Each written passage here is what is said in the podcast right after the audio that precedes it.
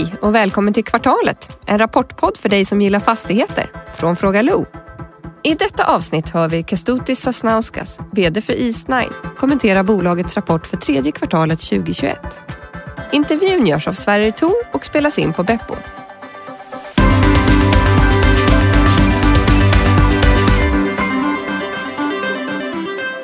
Hej och välkommen till Kvartalet. Och hej Kestutis och välkommen tillbaka. Tack så mycket och kul att vara här. Mm, kul att ha dig. Eh, mår du bra idag? Jättebra. Härligt. Är du nöjd med rapporten? Ja, man kan ju aldrig vara riktigt nöjd. Ehm, men eh, vi fortsätter växa. Mm. Ehm, Det går faktiskt underliggande väldigt bra. Marknaden är väldigt stark i i vår huvudmarknad i Vilnius. Mm.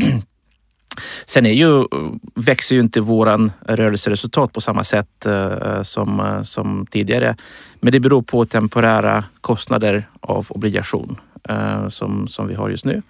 Men så fort vi investerar de här pengarna så kommer faktiskt eh, resultatet förbättras igen. Så jag ser med stor optimism framöver. Mm. Bra. Vi ska höra vad Niklas Höglund på IRL har att säga. Ja, då var det dags för snabbanalysen av East9. Och eh, bolaget redovisar en väldigt stark underliggande tillväxt av förvaltningsresultatet drivet av förvärv. Och aktien är ju upp med över 2% på rapportdagen. Även om det inte har stängt än så är det en eh, positiv drivare här. Tittar vi på övrigt i rapporten och eh, ser på vakanserna så steg de förra året och, och jämförbara hyresintäkter är ju fortsatt ner med, med 6 på grund av det här. Eh, och faktum är att det är även lite lägre intjäningskapacitet i kvartalet drivet av vakanser och, och, eh, och emission av obligationer och det är ju svagheterna då.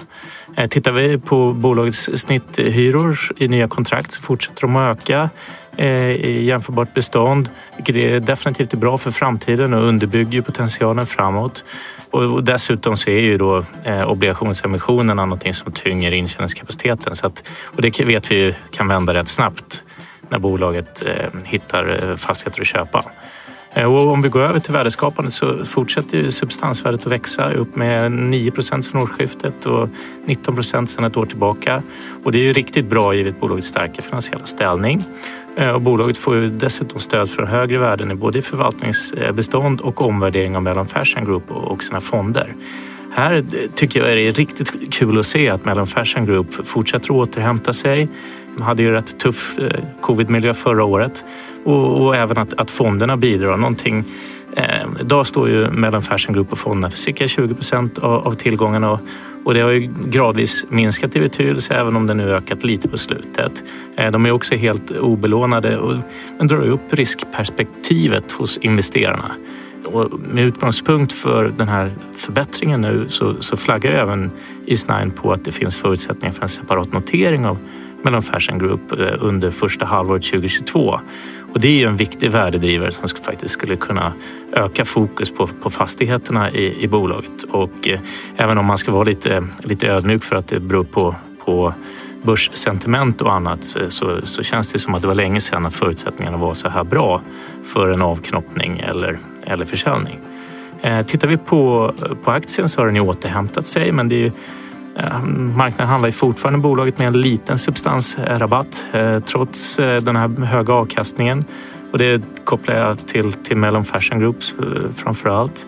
Bolaget har gjort investeringar under första nio månader vilket gett stöd till tillväxt i inköpskapaciteten med över 10 procent.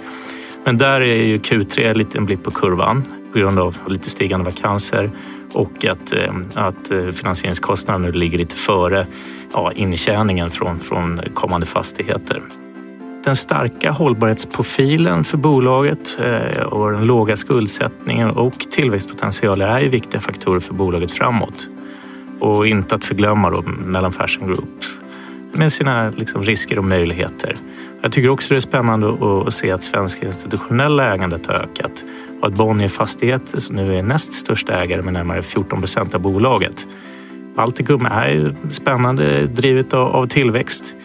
Och eh, i och med att de är med i euroområdet så gynnas man ju av låga räntor.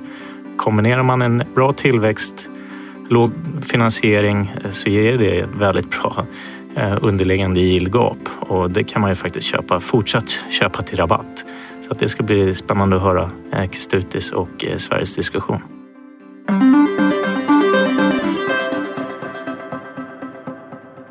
Det var några saker som jag hajade till på när jag läste i rapporten. Ja. Så jag, jag tänkte, jag har dem inte i någon ordning här men alltså det är högre vakanser, eh, uthyrningsgrad, nettouthyrningen går åt fel håll fortfarande trots, jag för, förstår ju att det är tre, tre spures, ett och två. Ja. Danske har hopp, hoppat Ja. ur. Ja. Om jag, om jag säger sådär att, att jag har sett starka rapporter från, från Eastnine, vad säger du då? Absolut. Eh, eh, Jag tror det, man ska se lite grann eh, med, med, från lite annat perspektiv. Mm. För det första så är vi, vi har relativt liten bestånd fortfarande. Så små händelser påverkar eh, lite mer i relation till liksom helheten. Eh, eh, Danskes utflytt var planerat eh, sedan gammalt eh, och det, de har koncentrerat allting nu till sin eh, nya S7-komplexet som vi Mm. också eh, en stor del äger av den. Mm.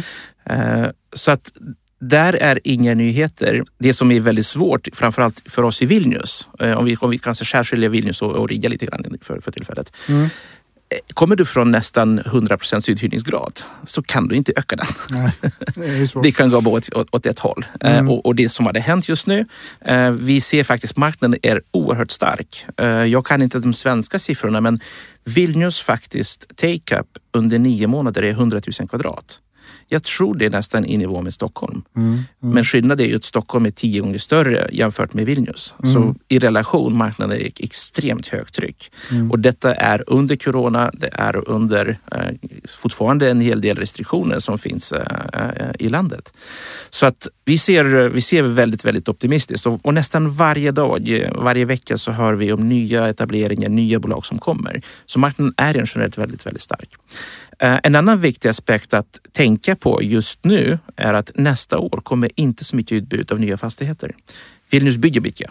Mm. Mm. Rent generellt har byggt mycket. Jag menar, det har gått från 200 000 kvadrat om jag minns rätt bara för tio år sedan som hela kontorsstocken var. Nu är det närmare en miljon. Mm. Så det är femdubblats. Eh, Det fortsatte addera kanske kring 100 och take på kring 100 ungefär Mm. sista åren. Så att eh, Eh, Vilnius har utvecklats väldigt balanserat och väldigt bra men, men med stark tillväxt. Eh, och nästa år eh, får vi se, det blir ju liksom nästan begränsning för den här take-upen som, som, som kommer ske. Så att jag är inte särskilt orolig över den här vakansen. Mm. vi, vi, vi är redan igång med uthyrningen och vi är ganska nära några avslut på de här lokalerna. Folk flyttar, det, det sker och det är naturligt. Och det, det, Okej. Har, Det jag, har del du någon, någon indikation på, på när, ni liksom, när ni kommer gå ut med någon nyhet om, om någon, någon uthyrning där? Det är inte möj- omöjligt att vi kommer ut före årsskiftet. Okej. Ehm, eh, och ehm, är med inflytt i början på nästa år. Om, om nu Vilnius, eh, om det blir eh, den här effekten som du, du beskriver, att, eh, och, och, och, vilket jag tycker låter helt rimligt. Eh, hur, hur liksom, vad blir effekten av det? Kommer, kommer, blir det mer etableringar i Riga och Tallinn? Blir det andra städer i, i, i Litauen som är, som blir, eller kommer det vara samma som här, att priserna kommer gå upp? Eller hyrorna kommer gå upp? Vi har ju sett en uppåt tryck på hyrorna. Mm. Eh, delvis att eh, bekostnaden har ju ökat ganska markant just nu. Mm. Eh, så det som byggs just nu kan inte komma på samma prisnivå som, eh, som har varit eh, tidigare. Eh, och de nya projekten kommer upp eh, på hyresnivåerna. Vi ser marknaden kring 18 euro per kvadrat där vi ligger på 15 i snitt även på de bra- lägena. Och nyuthyrningar vi gör sker över 15 eh, Mm. idag. Eh, så att, men det beror på lite grann på vilka lokaler du har och så, och så vidare. Så att de lokalernas ytor som vi har är inte lika kanske eh, attraktiva som, som kanske absoluta topplägen så att säga. Men, men de, de kommer eh, hyras ut tror jag ändå fortfarande över eh, i, i marknadssnittet någonstans. Okej. okej. Eh, Riga har ni ju haft en, en, en större vakans, eh, vilket det var, vi pratade om förra, förra gången också. Men Ja. hur, hur, vad händer där? Hur, är det samma där? Är samma- Riga är trögare. Mm. Eh, Riga är svagare marknad rent generellt. Eh, det märker vi. Eh, många projekt anmälda som ska byggas. Det är inte så många som byggs, men några i alla fall som har startat. Eh, och eh, det tror jag också att det är väldigt positivt ändå för att i Riga det har alltid varit en sån här kyckling och äggproblematiken. Vill du hyra 5000 kvadrat? Finns inte. Mm. Eh, eh, Vill du eh, expandera så finns inte, men samtidigt också svårt att se efterfrågan när, Mm. när, när det inte finns så mycket utbud heller. Liksom. Så det, är väldigt, det har varit väldigt, ja, lite svårare att kanske uppfatta den marknaden utifrån. Vi har större vakans fortfarande. Vår Valdemara fastighet som är mest centrala fastigheten är nu nästan fullt uthyrt. Vi har eh, annonserat ett norskt IT-bolag Ja, som ja, flyttar in till oss eh, och då, efter det så kommer i princip eh, hela fastigheten vara fullt uthyrt. Mm. Eh, däremot vakansen i Alois kommer kvarstå. Det beror lite grann på det här projektet som vi håller på med. Eh, så där vill vi hitta en lite, eh, lite mer långsiktig lösning. Okej. Ni, ni har ju vid rapporttillfället har ni en vakans på 11,8 mig. va? merparten är i Riga. Ja, och, är, och merparten Riga. Hur, hur, hur stor del av den vakansen är den hyr ut till den här norska aktören? Det är ungefär en procent av okej. totala beståndet. Ja. Okej, bra. En annan sak som jag uh, hajade till lite kring var, var eh, räntan. Ni har ju en ökad räntekostnad och det beror ju på att ni har, har en icke sysselsatt obligation så att säga. Ja. Men snitträntan stiger från 2,3 till 2,8 har jag för mig. Ja, det beror på obligationen. Obligationen är dyrare. Okej, så det, det är den. Det är den enda effekten. Ja. I- Inga andra effekter. Eh, Hur tänker ni kring obligationer rent, rent generellt framåt? Kommer det vara en större del av, av mixen eller? Eh, Vi vill, eh, vi har just börjat med obligation för att vi vill ha den, den benen med i vår finansieringsmixen. Och det är bara att följa alla bolag. Eh, Jag menar, vi, vi, vi vill ha lite mer diversifierade finansieringskällor.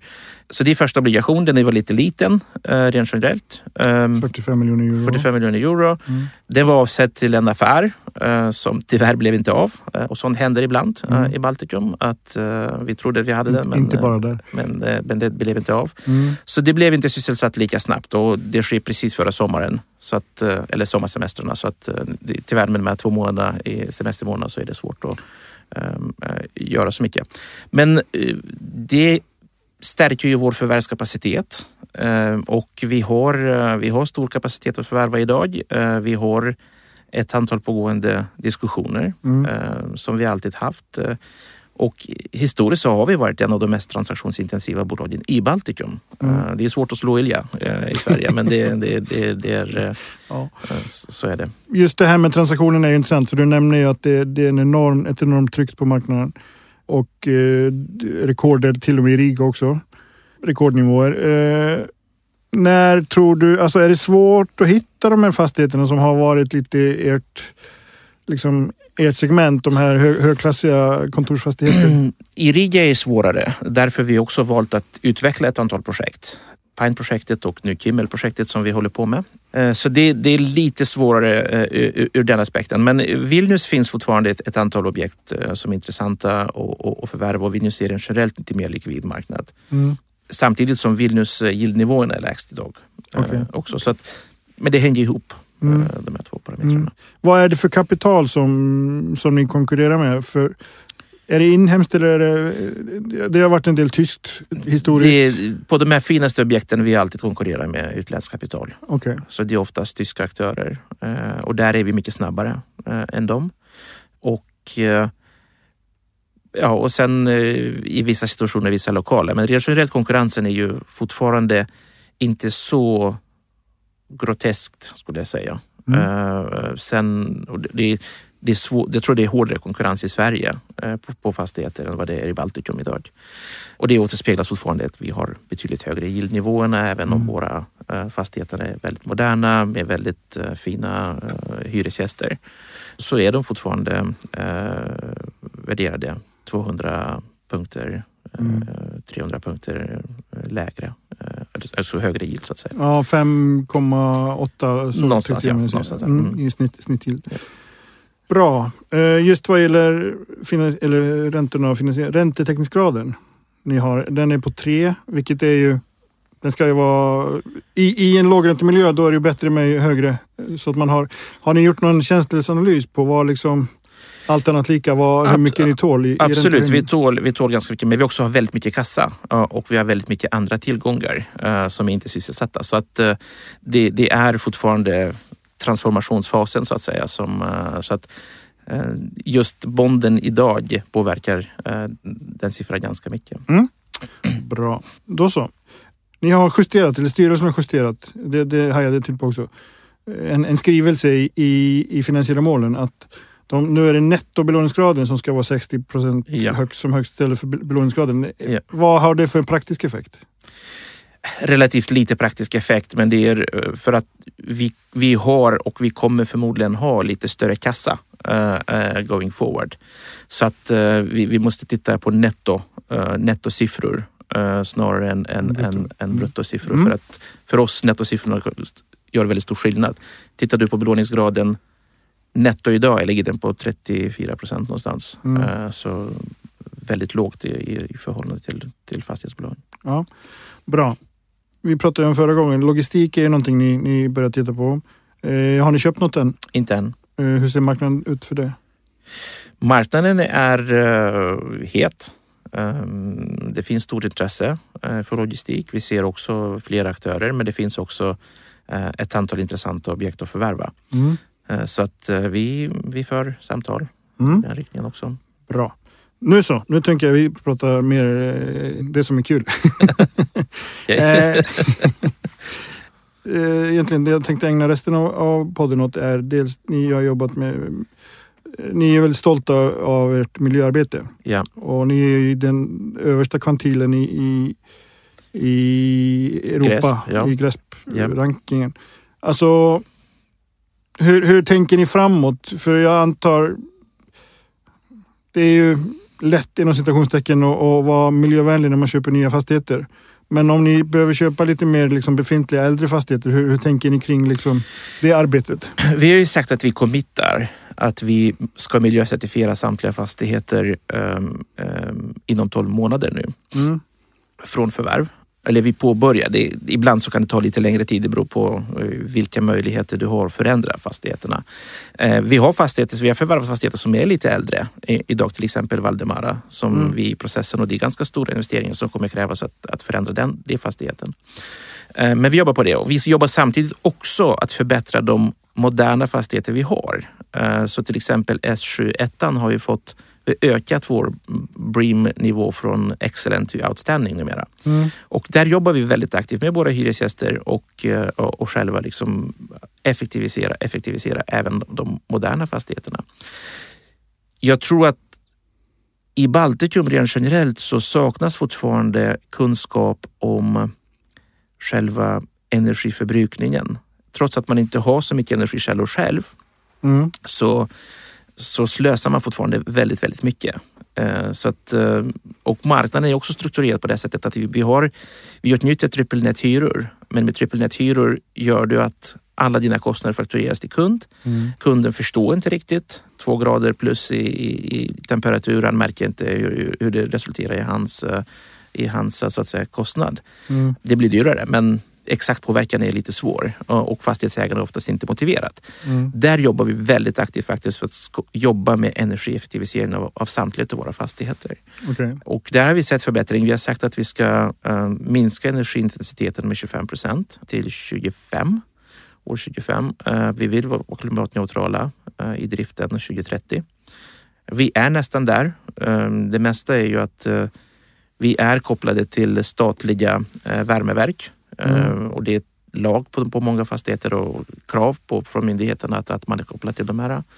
Vilket gör att vi, där kan vi inte förvärva eh, miljövänlig uppvärmning helt enkelt. Mm. Eh, Mm. s- För att eh, det drivs av antingen gas eller ja, fortfarande bio, biodelen är, är fortfarande relativt låg. Mm. Mm. Och den går inte särskilja på något sätt. Så att vi, vi jobbar också med myndigheten att kunna förvärva eh, miljövänlig eh, fjärrvärme. Fjärrvärme. Ja. Eh, solpaneler och sånt där.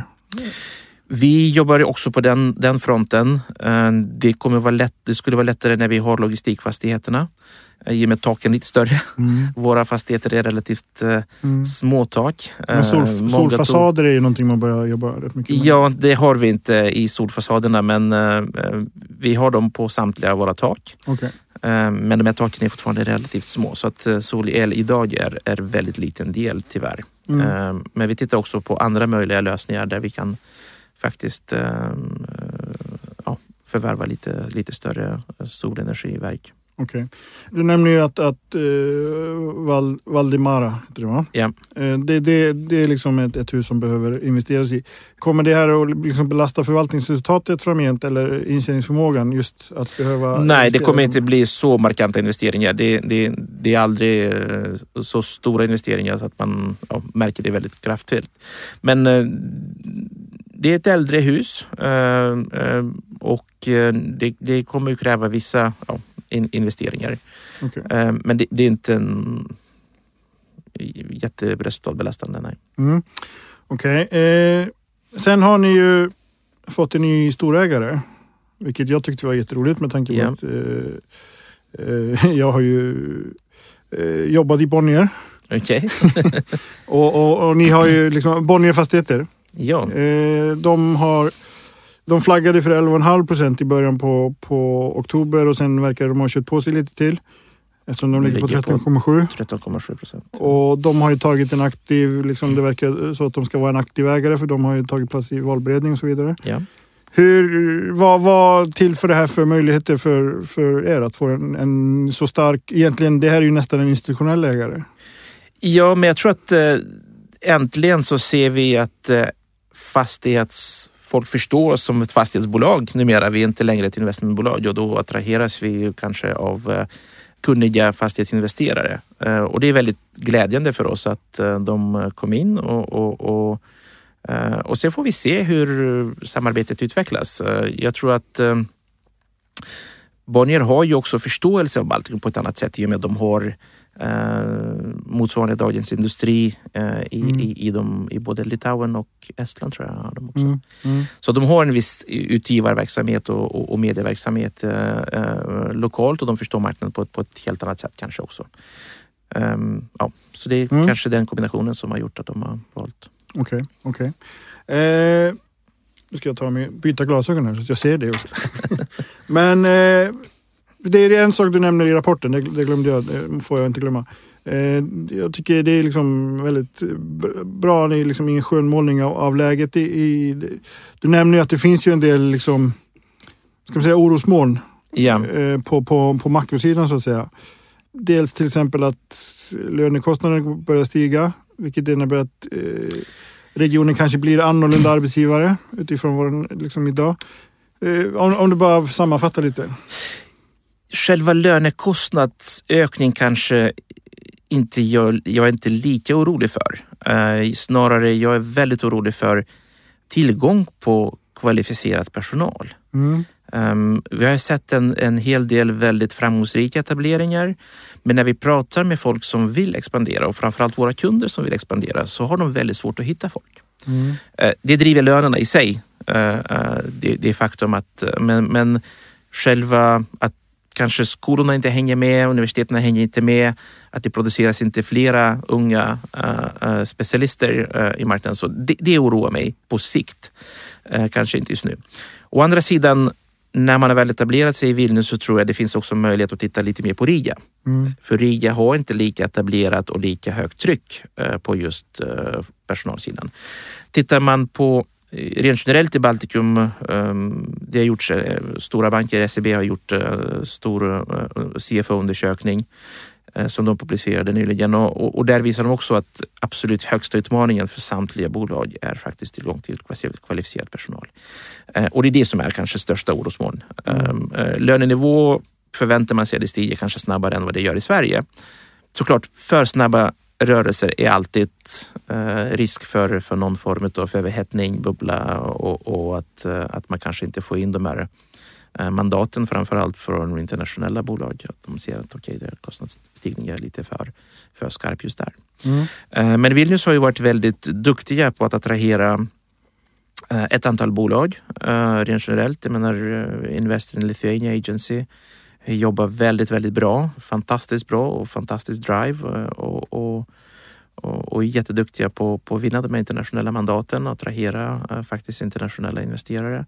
Och det skapas ungefär 3000 nya jobb i en stad på 700 000 invånare. Eh, Mm. Så det är ändå liksom bra Ja, tryck och, och, och, och, det är liksom naturligt 30 000 Mm. kvadratkontor Mm. eh, behov per, per år Mm. av modern, av modern. Okej, okej.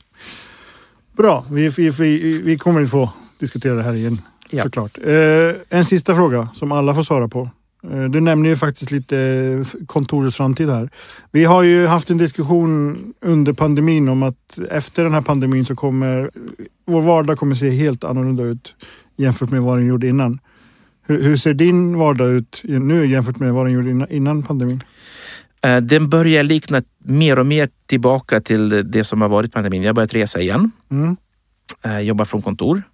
Det är kanske största skillnaden att vi kanske nämner ordet kontor lite mindre eh, rent generellt i våra lokaler, i våra platser som vi tillhandahåller.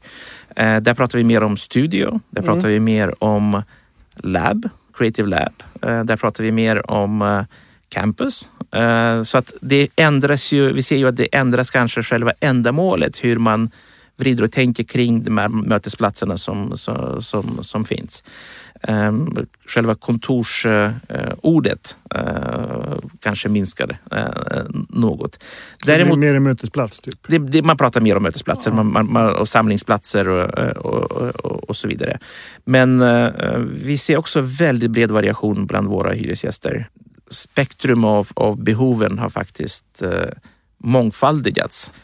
Men de flesta vill växa fortsatt, okay. uh, sina verksamheter. Sen användning av kontor kanske vissa effektiviserar, vissa vill minska ner, vissa jobbar delvis hemifrån, delvis uh, från kontor. Men, och, och det spektrum är faktiskt väldigt, väldigt brett. Mm. Uh, vi ser också vissa som vill öka ytorna och menar take-up talar ju för sig själv. Mm. Lite grann att 100 000 kvadrat på nio månader är... Det är inte bara nya aktörer? Det, det är inte bara nya aktörer, nej. Mm. Toppen Kestutis. Eh, stort tack för idag. Tack så mycket. Vi hörs igen efter årsskiftet. Det gör Eller vi. ses till och med. Det hoppas jag. Ja. och tack för att ni har lyssnat.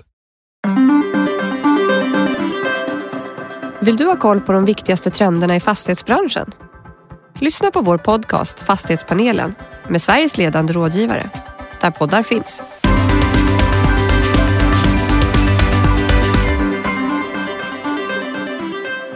Det här programmet görs på Beppo. Beppo.